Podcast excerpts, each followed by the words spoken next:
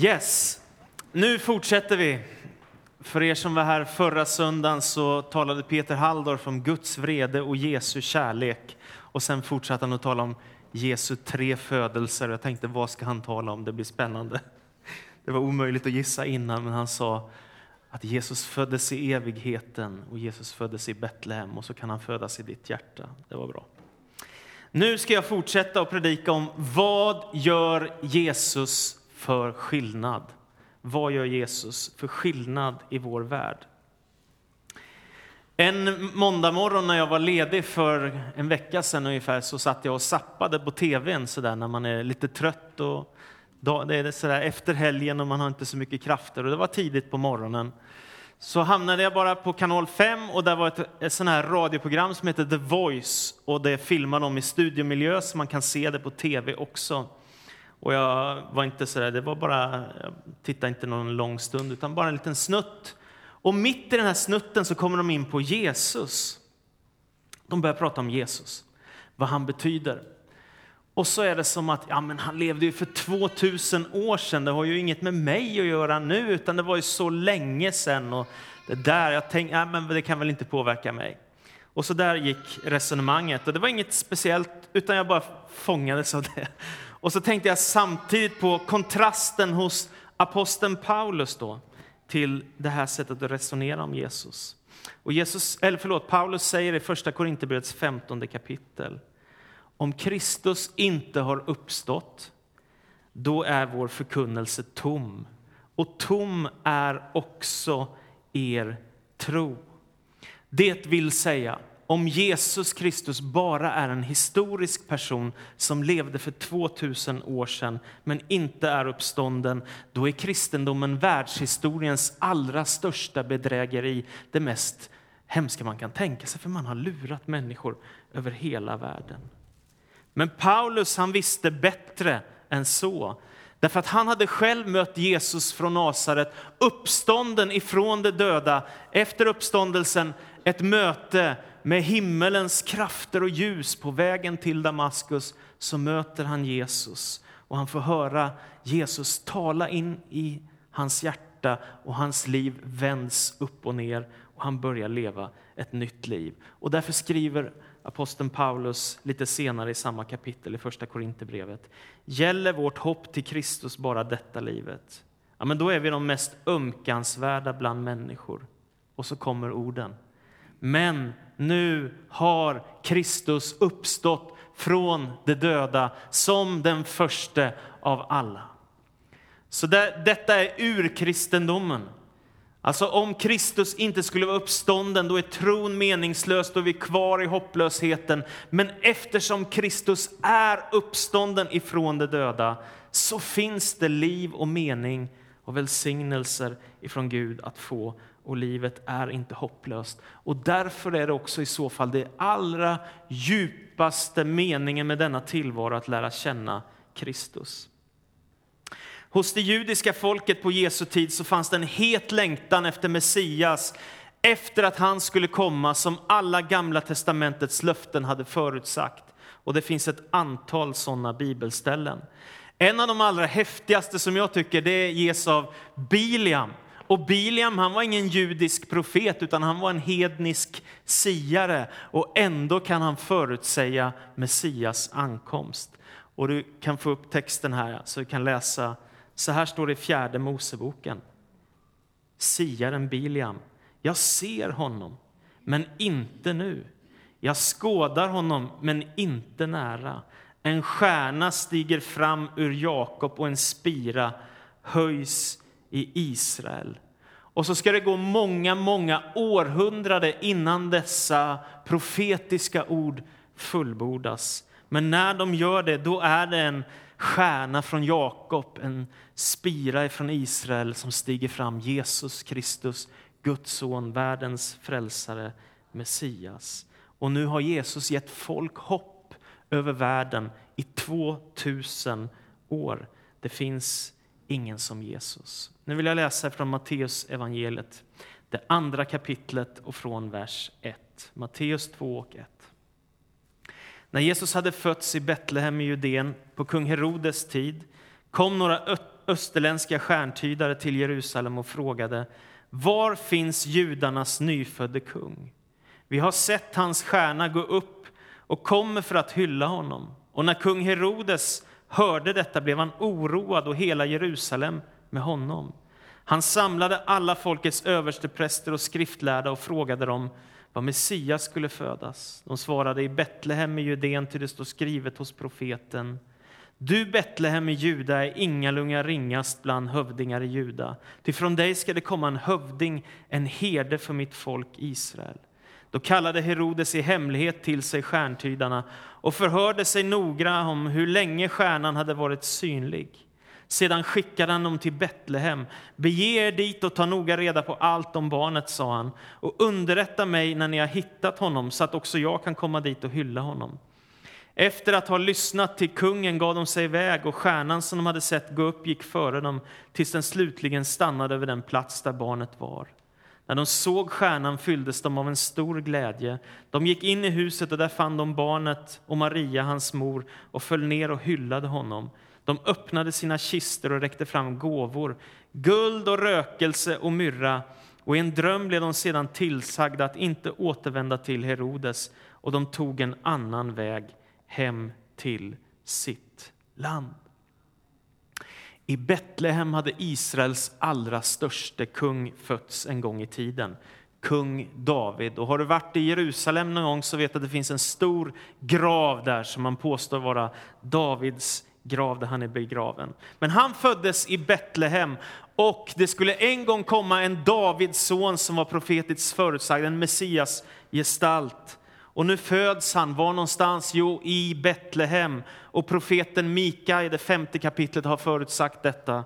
Han säger, du Betlehem i Judaland är ingalunga ringast bland hövdingar i Juda, ty från dig ska komma en hövding, en herde för mitt folk Israel. Och så är det detta märkliga. Återigen, här är inte några judar som är på jakt efter Messias, utan här är några österländska stjärntydare. Antagligen någon form av persiska präster som höll på att tyda stjärnor. Och så kanske det är någon supernova eller vad det är nu för övernaturligt som sker som gör att de bestämmer sig för att bryta upp och ge sig iväg på en resa för att vandra till Betlehem. Och så möter de Herodes och när de möter Herodes och samtalar med honom så blir Herodes väldigt oroad. Och det är en märklig man, Herodes. När man läser historien om honom så förstår man att han var oerhört ond. Han lät avrätta tre av sina egna söner för han var rädd att förlora makten över folket. Han lät barnen dö i Betlehem, pojkar under två år, för att han var rädd att Messiaskonungen skulle födas där, så Jesus och hans familj tvingas att fly till Egypten. Det är en smärtsam berättelse att läsa. Men på något sätt så tänker jag också de här stjärntydarna. De söker sig till Jesus och jag tänker att det är en slags förebild för det som har skett i världshistorien sen. Det vill säga att människor från alla världsdelar drar emot Kristus, går mot honom. Det är som en profetisk förebild för det som skall hända, att människor söker Jesus Kristus. Så går åren och när Jesus är 30 30 år gammal, då träder han in i sin offentliga tjänst. Man kan läsa det i Lukas evangeliets tredje kapitel. När Jesus är 30 år, när han har blivit döpt i vatten, uppfylld av helig ande och vandrat ut i öken för att frestas av djävulen, då träder han fram. Då är han redo för att ställa sig framför folket och börja sin undervisning, sitt predikande, sina kärleksgärningar, helande av sjuka och allt det som händer kring honom. Och det är många som har funderat på vad hände mellan det att han var litet barn tills han var 30 år. Det finns ju bara en berättelse om flykten till Egypten och sen finns det en berättelse om när Jesus är 12 år gammal och kommer till templet och när han är i templet så vänder han inte tillbaka med sina föräldrar utan han säger jag måste vara där min fader är i Jerusalems tempel och så pratar han med de skriftlärda. En av de roligaste teorierna om vad Jesus gjorde i den här eh, tiden det tycker jag är att någon har kommit med förslaget att han drog iväg till Indien och lärde sig magi. Visst är det roligt? Det är ett fantastiskt förslag. Men evangelierna berättar inte någonting om det här, utan det står bara att är det inte timmermannens son? Det vill säga, jag tänker att det Jesus har gjort med sitt liv fram tills han är 30 år, det är att han har varit med sin far Josef och han har varit en vanlig enkel snickare i Nasaret tillsammans med sin familj. Men när Jesus är 30 år, då händer detta dramatiska att han börjar sin offentliga tjänst. Och i tre års tid så drar han runt i Jerusalem, Judeen, Samarien, Galileen och allt vad det är. På massa olika platser i stora städer och små byar. Och efter tre år så kan världen aldrig mer bli densamma på grund av vad han har gjort, vad han har sagt, hur han har dött, hur han har uppstått. Världen är förändrad efter Jesus. Och vad gör Jesus för skillnad då? Nummer ett, Jesus han kom för att uppenbara Gud för oss. Det är tydligt när man läser i evangelierna att Jesus Kristus är Guds egen son. Det vill säga, han vet någonting om Gud som ingen annan kan veta. Profeterna hade sökt Guds närvaro, de hade sökt Guds ansikte, de hade hört Guds röst och fick tala profetiska ord och skriva ner profetiska ord. Men Jesus, han är liksom ett snäpp högre. Han kommer ifrån himmelen, sänd av Gud Fadern för att bli människa och på så sätt ge ett ansikte åt Gud i världen så att man förstår vem Gud är och vad han vill med oss. Som Johannes evangelisten säger i det första kapitlet. Ingen har någonsin sett Gud. Den enda sonen, själv Gud och alltid nära Fadern, har förklarat honom för oss. Så vad är poängen med Jesus? Jo, han visar oss Gud. Ta bort Jesus ur den här världen och så får du svara på vem är Gud. Det blir lite svårare, eller hur? Men när Jesus har kommit med evangeliet och kärleksbudskapet så blir det lite tydligare vem Gud är och vad han vill med den här världen. Därför gör Jesus skillnad. För det andra, Jesus kom för att visa oss hur mycket Gud älskar oss. Och jag tycker det är så starkt. Det är stort att få vara älskad av en annan människa. Och det är stort att få älska andra människor. Men det är ännu större att få vara älskad av Gud. Och det som kallas för lilla bibeln i Nya testamentet, det är Johannes 3.16. Så älskade Gud världen att han gav den sin enda son för att de som tror på honom inte ska gå under utan ha evigt liv. Så varför kommer Jesus? Jo, han kommer för att visa att Gud älskar världen. Och när aposteln Paulus i det femte kapitlet i Romarbrevet ska förklara detta så säger han Gud bevisar sin kärlek till oss genom att Kristus dör för oss medan vi ännu är syndare. Han visar redan innan att han älskar oss så högt att han är beredd att gå i döden för oss. Så vad gör Jesus för skillnad? Jo, han bevisar på korset hur mycket Gud älskar oss. För det tredje, Jesus kom för att hela relationen mellan det gudomliga och det mänskliga. Det är också Bibelns berättelse att vi är skapade för gemenskap med Gud men att relationen med Gud är trasig för alla människor och att den behöver helas. Ibland har jag tänkt så här då att ja, det är som att man skulle behöva vara Gud själv för att kunna umgås med Gud. Förstår ni hur jag tänker? Vi är så bristfälliga som människor. Vi gör misstag, vi syndar, vi, vi gör felval. Det är som att man skulle behöva vara Gud för att kunna umgås med Gud. Är ni med på min tanke? Man skulle behöva vara fullkomlig för att vara tillsammans med Gud. Så kan man tänka ibland. Och man kan tänka om sina egna misstag och sin egen skuld att jag är inte värd att komma inför Gud, för jag är bara en människa och jag är ibland inte så bra som jag skulle vilja vara, inte så kärleksfull som jag skulle vilja vara. Men i ljuset av Nya testamentet så är den tanken fullständigt galen. Och det beror på att nåden, kärleken och förlåtelsen är själva kärnan i evangeliet om Jesus. Och därför tycker jag så mycket om när jag läser evangeliernas berättelser om att människor som är väldigt syndiga, om ni missförstår mig rätt, trivs tillsammans med Jesus. Hur kan det komma sig? Varför när man träffar en fullkomlig människa som är syndfri och ren känner man inte bara Åh, jag måste bort. Han skrämmer mig. Jag är syndig, han är syndfri. Han är perfekt och jag är ofullkomlig. Jag måste dra mig långt bort ifrån. Förstår ni tanken? Men i själva evangelieberättelsen är det precis tvärtom. Människor som är sargade av synden och livets misstag, de älskar att vara nära Jesus. Vad beror det på? Jo, det beror på att Jesus ser guldet i människor. Han ser bortom synden och misstagen. Han ser att varje människa är skapad till Guds likhet, till att vara Guds avbild i den här världen. Och Det betyder att varje människa är älskad och viktig för Gud. Och kanske är det precis tvärtom, att vi dras till den där renheten som finns hos Gud istället för att tänka att den är ett problem för att vi är syndare. Magnus Malm har skrivit en ny bok som heter Kännetecken. Jag tyckte det var så fruktansvärt bra. Lyssna nu. Får det på bild här också. Att vända sig till Gud har traditionellt ut, ofta utgått från att Gud står för det andliga. Därför har uppmaningen att be ofta varit färgad av en anspänning. Nu ska vi vända oss bort från det jordiska och mänskliga. Och så har det väckt en sorg, ett vemod över allt vi behöver vända oss ifrån. Och människor tenderar att bli allvarliga, högtidliga och dystra när orden kommer låt oss be. Kanske den sorgsenheten djupast inte kommer från ett medvetande om att vi nu vänder oss mot den Helige utan just för att vi därmed förväntas vända oss från något som vi upplever roligt, meningsfullt och helt enkelt mänskligt. Lyssna så har djävulen fått oss exakt dit han ville. Dels har han lurat oss att Gud är idel andlighet, dels har han därmed lagt beslag på det mänskliga och jordiska.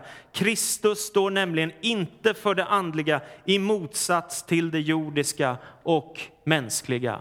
Det är helt briljant sagt, det kan inte sägas tydligare. Kanske var det lite svårt, några av er tycker om. Men själva poängen är så bra.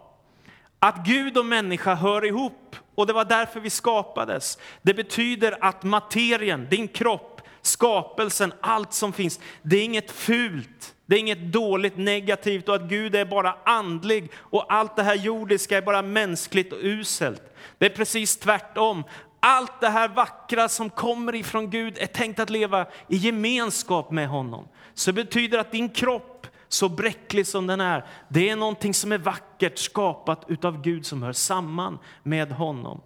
Din, ditt sätt att vara människa och allt detta vad det innebär att vara människa är tänkt för att vara i gemenskap med Gud. Det är inte så att du måste klä av dig din mänsklighet för att ha med Gud att göra. Det är precis tvärtom. Gud blir människa i Jesus Kristus för att du som människa ska kunna komma till Gud. Är du med? Det är inte så att du måste bli Gud för att kunna umgås med Gud. Gud har i Kristus blivit människa så att du kan få leva i en hel relation med Gud fast du och jag är bräckliga, svaga människor som ibland också syndar mot Gud. Så jag tänker att i Jesus så förenas det gudomliga och det mänskliga och det blir tydligt att den fullkomliga människan, Jesus från Nasaret, öppnar vägen till Gud för alla. Vad gör han för skillnad, Jesus? Jo, han helar relationen mellan det gudomliga och det mänskliga så att vi inte behöver känna att livet är tomt och meningslöst. För det fjärde, Jesus kom för att frälsa dig och mig och hela världen. I Lukas 19 och 10 står det Människosonen har kommit för att söka efter det som var förlorat och rädda det. Vad betyder det? Det betyder att Gud är på jakt efter varje människa i hela världen.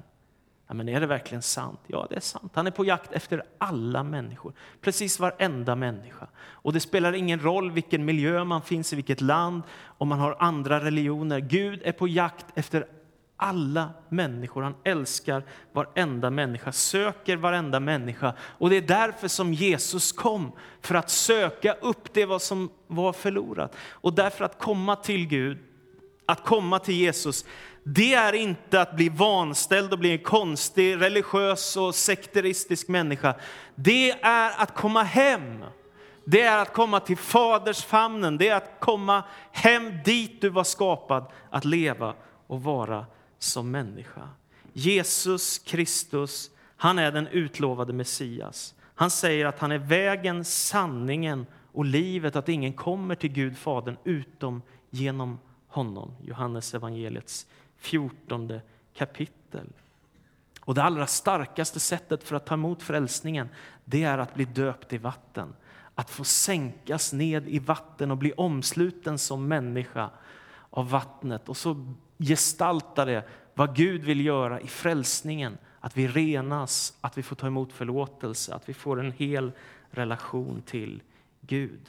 För det femte, Jesus kom för att upprätta trasiga människor.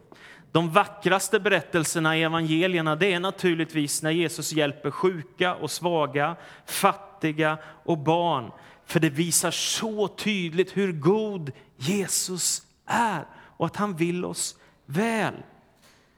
Och hans liv har satt avtryck i hela världen. Jag tycker det är intressant att Gandhi som var en av historiens viktiga ledare som befriade sitt land ifrån ockupationsmakten genom sin fred, fredliga livsstil och icke-våldet. Han hade Jesus som förebild, fredsbudskapet, kärleksbudskapet. Och så lyckas han förändra världen genom att lyssna till Jesu ord om kärleken. Jag satt för en tid sedan i samtal med Stefan Bejmark som är pastor i Örnsköldsvik. Och han har en spännande församling där uppe norröver. Och så berättar han om deras missionär som ska ge sig av igen nu till Tyskland. Han har varit där förut och jobbat med ungdomar som har väldigt trasiga liv i Tyskland. Och nu ska han tillbaka igen. Nu ska han ta en ännu tuffare utmaning. Nu ska han åka till Reeperbahn. Och Reeperbahn, berättade de för mig, det är platsen där den värsta prostitutionen och sexindustrin finns i Tyskland. Och han ska gå dit som missionär utsänd från Sverige och hans mål är att bygga upp en församling där bland de här trasiga människorna som har kommit så vilse med sina liv. Jag tänkte, vilken modig människa, vilken utmaning att ge sig in på en sån sak. Jag tänkte vilket bönämne att få vara med och be för honom. Tänk om det växer fram en församling av människor som har levt i prostitution som får börja ett nytt liv med Jesus Kristus. För det sjätte, Jesus kom för att ge oss glädje. Och de kristna som har förstått det allra bäst, de bor i Afrika. Jag är ganska övertygad om det. När jag har varit i Tanzania på gudstjänst, jag kommer ihåg första gången jag kom in på gudstjänst och det var en församling som Ja, jag jobbade i Jönköping då. Så vi, våra missionärer var utsända där och hade byggt upp en församling i Handeni. Och så hade vi ungdomskonferens och det var gudstjänster och det var fullt liv och härlighet. Oj vad de dansade! Oj vad de jublade! Oj vad de gladde sig! Det var sånt liv och sån stämning. Och jag tänkte, här blir kristendomens glädje som allra tydligast. Och ska jag vara ärlig så tycker jag kristendomen i Norden, det är för mycket moll överhuvudtaget. Alldeles för mycket moll. Det borde vara lite mer dur i våra sånger, i våra liv, i våra sätt att gestalta Jesus. Om du tar till exempel långfredagen som ju här är en väldigt deprimerande dag på många sätt, vårt sätt att tänka om det, så heter den i den engelsktalande världen The Good Friday. Den goda fredagen när Jesus segrar på Golgata. Man kan göra samma sak på så oerhört olika sätt. Jesus kom för att ge oss glädje. Tänker på C.S. Lewis, han var professor i Oxford. På 1900-talet kom han till tro på Jesus och när han ska beskriva vad det är han är med om när han blir kristen så säger han det var som en glädjechock när jag började tro på Jesus och förstod vad det är han står för och vad han vill med mitt liv. Så vad är det Jesus handlar om? Det handlar om glädje här börjar glädjebudet om Jesus Kristus. Detta skriver jag er för att era glädje skall bli fullkomlig. Jag har kommit för att predika ett glädjebud för de fattiga. Är ni med? Det är glädje, det är inte så här, åh, tråkigt, utan det är glädje, frihet, liv, välsignelse. Det var det Jesus kom för. Det sjunde, Jesus kom för att välsigna barnen. Och jag tänker att han kom för att lyfta deras värde i en tid som var ganska så tuff. Den tiden när Jesus kommer så, så gör han så att när han får höra barnen så säger han låt dem komma till mig. Men lärjungarna, ni vet den här klassiska berättelsen om barnvälsignelse, de visar bort barnen. Men det gör inte Jesus. Och det är som att lärjungarna har inte förstått hur Jesus värderar människor.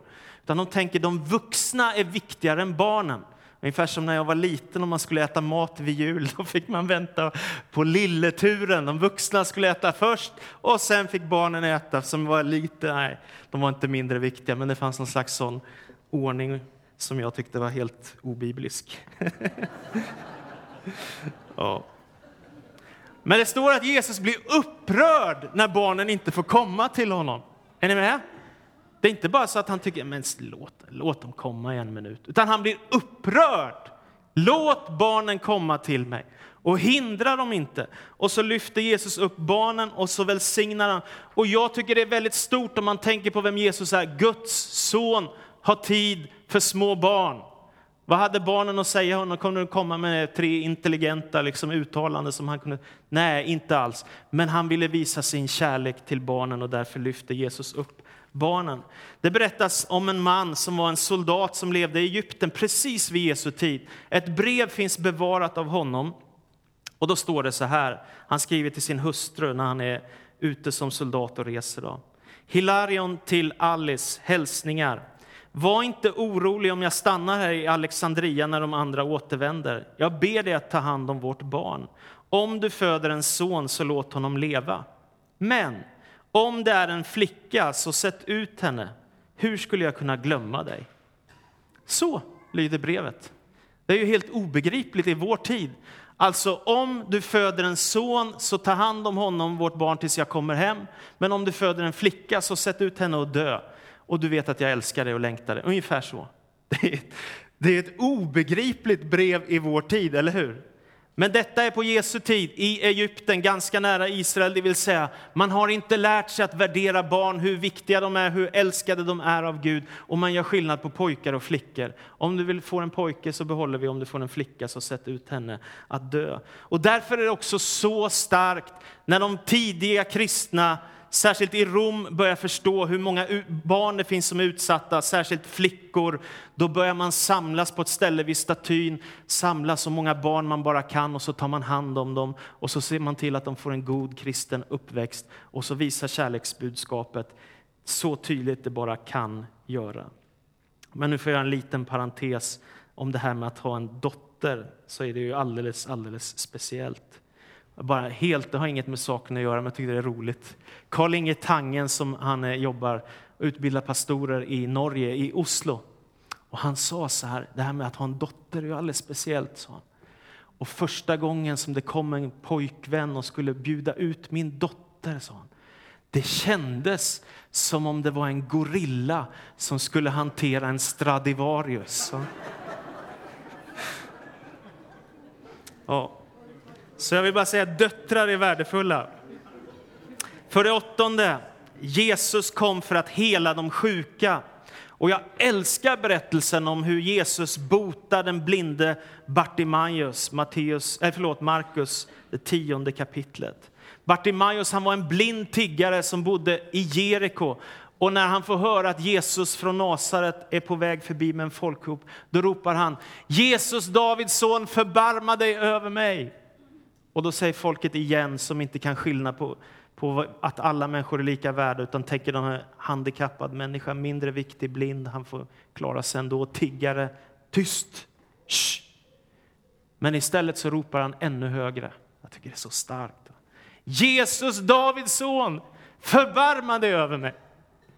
Och Jesus hör den bönen. Och när Jesus hör den bönen så går han bort till den blinde tiggaren vid vägen i Jeriko och så frågade han, vad vill du att jag ska göra? Gör så att jag kan se igen, Rabboni.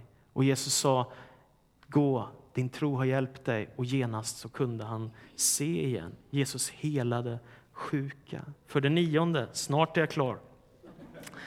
Så kom Jesus för att lyfta kvinnans ställning. Hur kan man veta det? Jo, jag har blivit övertygad, särskilt när jag läser Lukas evangeliet. Många var de som blev överraskade över, över hur Jesus behandlade kvinnor att han var så respektfull, att han kunde möta människor, eh, kvinnor som ingen annan pratade med. Prostituerade kvinnor, kvinnor som kom från Samarien och annat. Va? I en väldigt patriarkal miljö så kunde Jesus umgås med kvinnor på ett helt annorlunda sätt. Jag tänker hur Jesus visar sån enorm kärlek och omsorg om Marta och Maria är tillsammans med dem, de är hans vänner. Jag tänker på hur Jesus samtalar med den samariska kvinnan vid brunnen, trots att hon har en destruktiv livsstil och trots att judarna inte skulle prata med samarier. Jag tänker på hur Jesus lät en kvinna som kallades för synderska smörja hans fötter. Fast Simon, farisén, sitter och tänker, Jesus om du visste vad det där är för en kvinna så skulle du aldrig låta henne smörja dina fötter. Så tänker han att Jesus inte fattar vad det är för gräns hon går över. Men Jesus säger till denna synderska, dina många synder är dig förlåtna.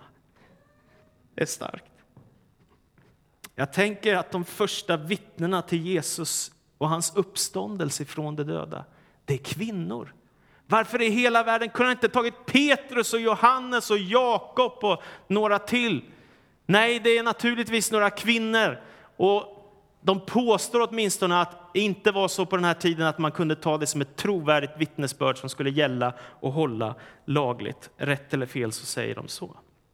Men i evangelierna så är det kvinnor som är vittnen till Jesu uppståndelse.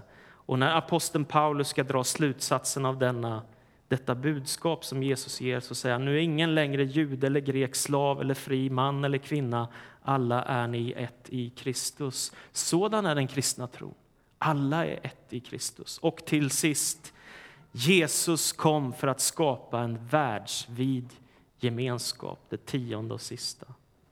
Han sa, gå ut överallt i världen och förkunna evangeliet för hela skapelsen.